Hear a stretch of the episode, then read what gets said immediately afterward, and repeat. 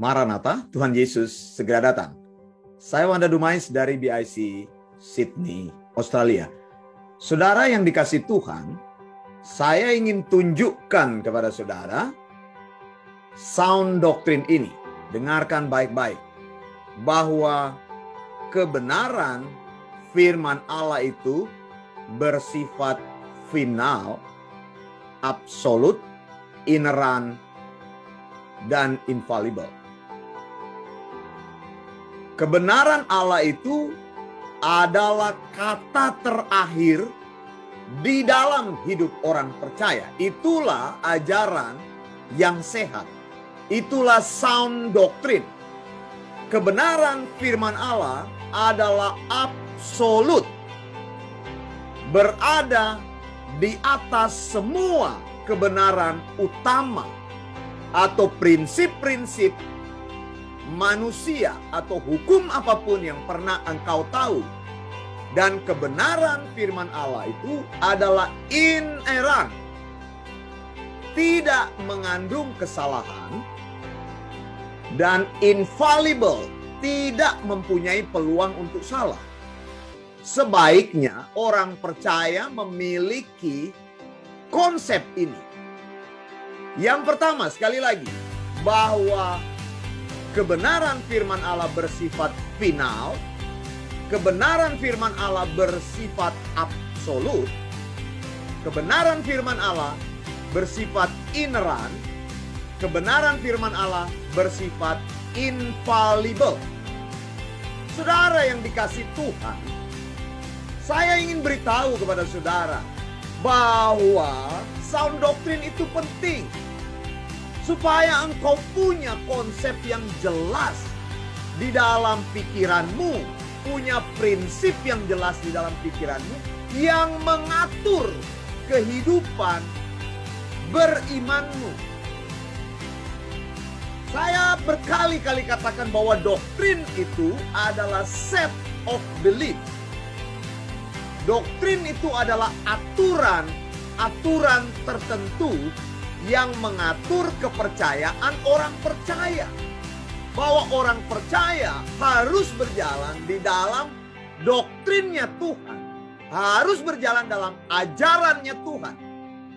Makanya pendeta Wanda Dumais bicara senantiasa terus menerus mengenai sound doktrin. Kebetulan saya memformulasikan sound doktrin itu saya menemukan sound doktrin itu di dalam Alkitab. Tapi sound doktrin itu adalah sebuah ide utama bahwa wahyu Allah harus kita terima sebagai sesuatu yang final, kata terakhir, sebagai sesuatu yang absolut, sebagai sesuatu yang ineran, sebagai sesuatu yang infallible. Kalau tidak ada yang mengatur hidupmu, maka engkau tidak mempunyai prinsip apa pun untuk menghidupi kehidupan berimanmu di dunia ini. Makanya Alkitab harus diajarkan dengan penuh dan tuntas. Alkitab harus diajarkan dengan jelas dan detil. Hamba Tuhan yang baik harus mengeksegesis Alkitab itu dan mengeluarkan ajaran yang benar. Tidak menyarankan engkau hanya mengutip-ngutip bahasa Yunani. Tidak. Kami mengajarkan di kelas kami bagaimana mengeksegesis. Supaya hamba Tuhan punya hati dan perasaan, pikiran yang respect terhadap firman Tuhan. Bahwa firman Tuhan itu adalah diri Allah sendiri yang harus diteruskan kepada orang lain. Memberitakan firman hanya mengutip bahasa Ibrani dan mengutip bahasa Yunani. Itu banyak di buku-buku. Tapi kalau isi pemberitaanmu tetap pikiranmu sendiri, maka engkau menyangkal kebenaran firmanmu. Engkau bukanlah orang sondoktrin. Engkau tidak mencintai sondoktrin. Dan engkau tidak menjunjung tinggi sondoktrin. Bagaimana mau teruskan sondoktrin kalau engkau tidak menjunjung tinggi sound doctrine. Sound doctrine itu harus dijunjung tinggi. oleh setiap orang yang mencintai Tuhan. Amin, saudara. Katakan bersama-sama. Satu, dua, tiga. Saya mau menjunjung tinggi sound doktrin. Sound doktrin itu bukan punyanya pendeta Wanda Rumahnya. Saya memformulasikan sound doktrin itu. Saya mempopulerkan kata sound doktrin itu. Tapi sound doktrin itu adalah ajaran sehat. Ajaran yang benar. Ajaran yang tidak terkontaminasi. Ajaran dari Alkitab. Theopenustos. Dari kitab kejadian sampai kitab wahyu. Amin saudara. Nah saudara yang dikasih Tuhan. Saya ingin beritahu saudara nama-nama berikut ini. Ada orang yang bernama William James. Ada orang yang bernama James uh, ulang, saya katakan tadi, ada orang yang bernama William James. Lalu yang kedua ada orang yang bernama John Dewey. Lalu ada orang yang bernama George Santayana. Orang-orang ini merumuskan filsafat pragmatisme. Jadi ingat baik-baik saudara, filsafat pragmatisme dibangun oleh William James, John Dewey, kemudian George Santayana. Mulai tahun 1900-an lahirlah kumpulan pengajaran pragmatisme. Dan pragmatisme ini sejak dideklarasikan memberikan sebuah warna baru dalam cara-cara berpikir manusia. Masuk ke semua lini kehidupan, termasuk masuk ke dalam kehidupan gereja. Tapi filsafat pragmatisme ini melumpuhkan gereja, melumpuhkan orang Kristen. Mengapa? Karena pragmatisme mengatakan tidak ada kebenaran absolut. Sementara saya mengatakan kebenaran absolut itu adalah sound doctrine. Jadi Alkitab mengatakan bahwa kebenaran Allah itu final, absolut, ineran, dan infallible. Tapi filsafat modern pragmatisme mengatakan kebenaran itu bersifat relatif.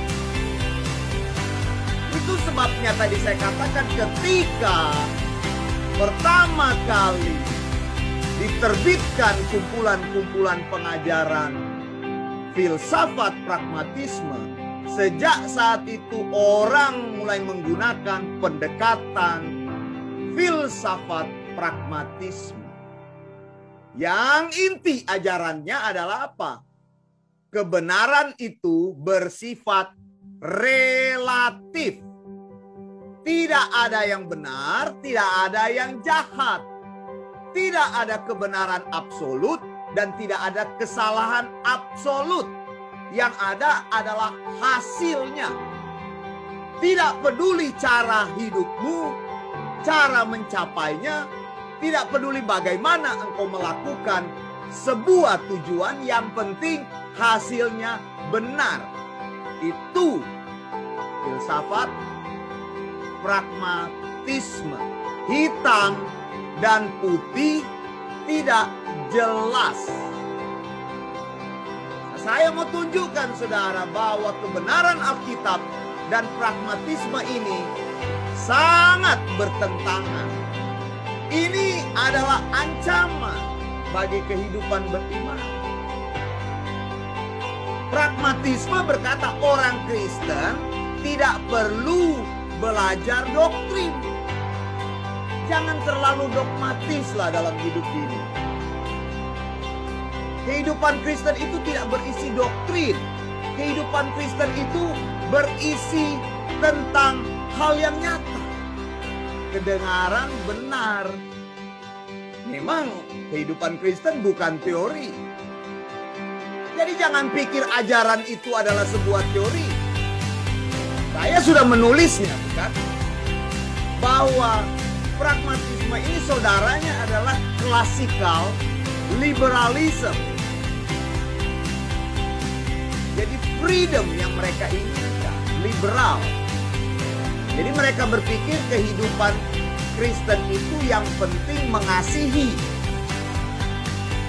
Ajaran tidak penting.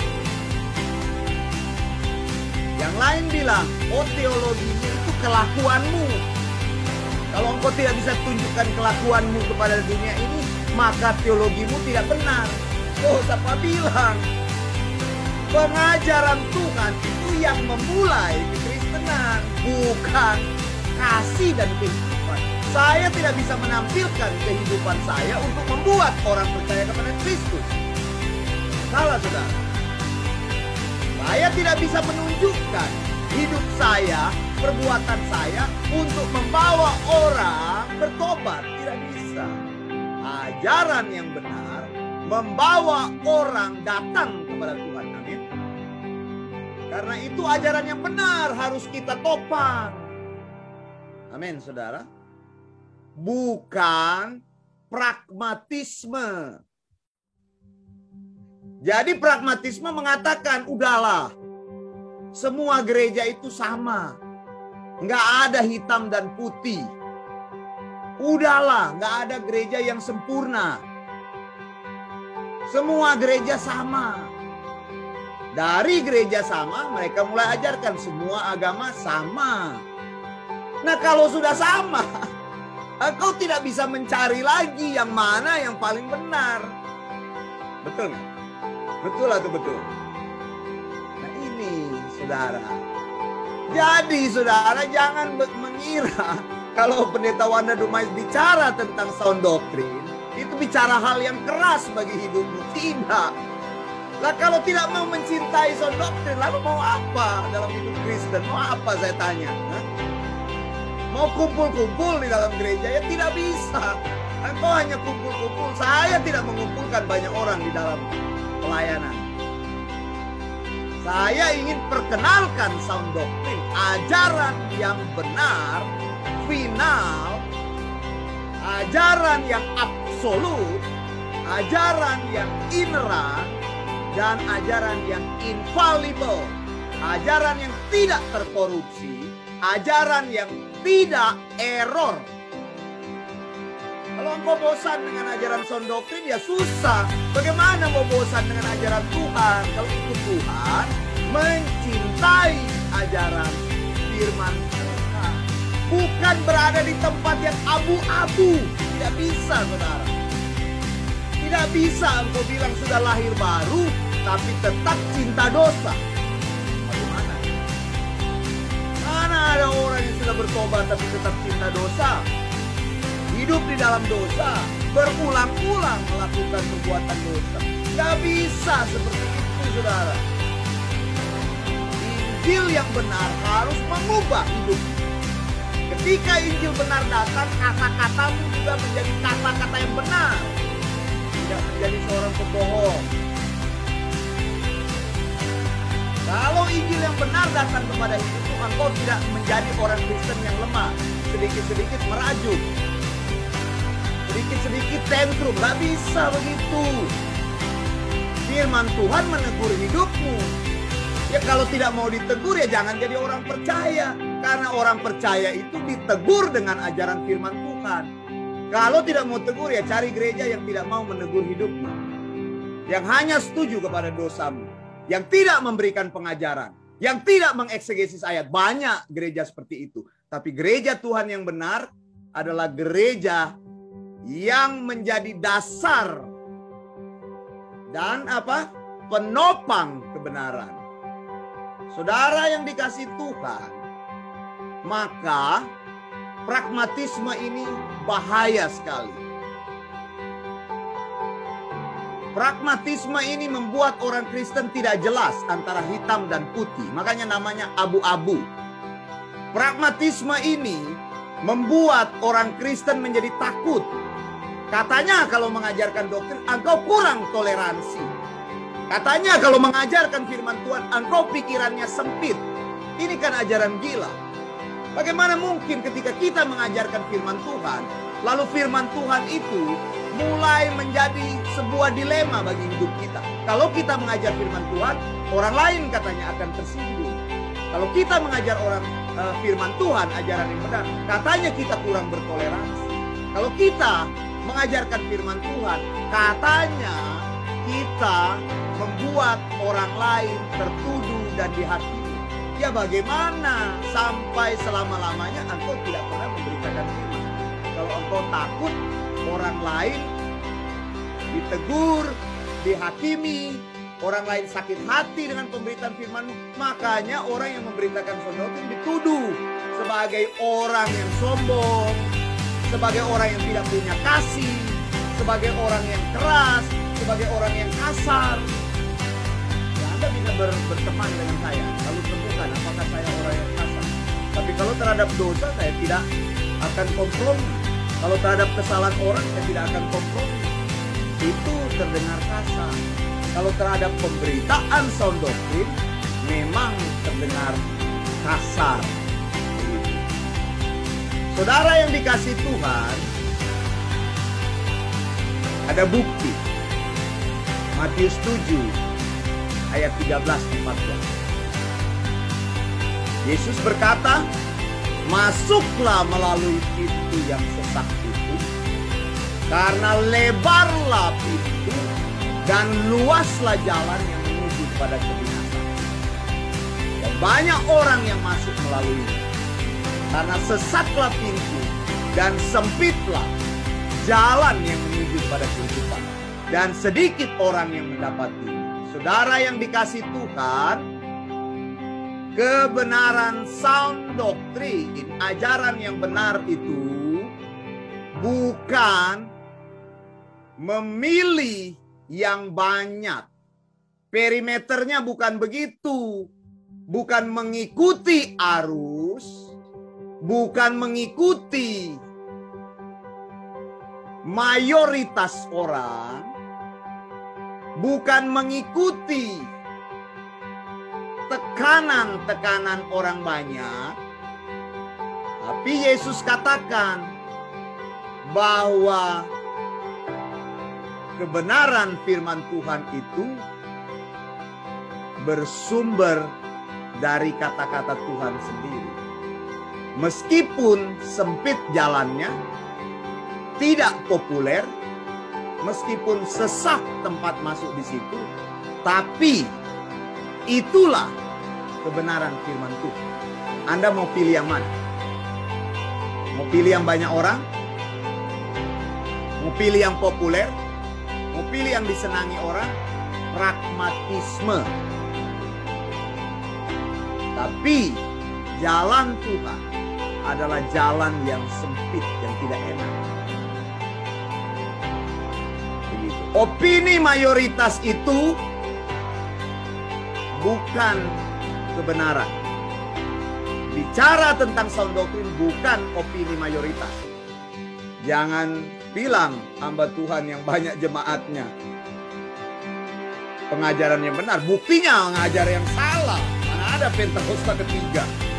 Buktinya menurunkan standar Yesus. Banyak kan? Di Facebook Anda bisa lihat. Video-videonya ditonton ribuan orang. Tapi mengajarnya memble.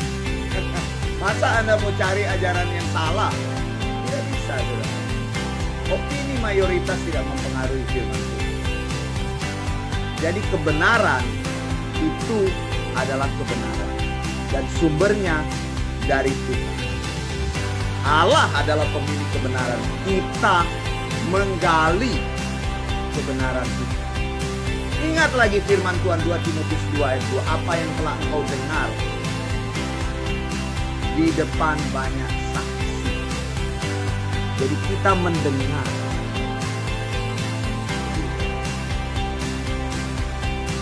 Mendengar apa? Mendengar firman Tuhan yang membuat iman bertumbuh adalah pendengaran firman Tuhan.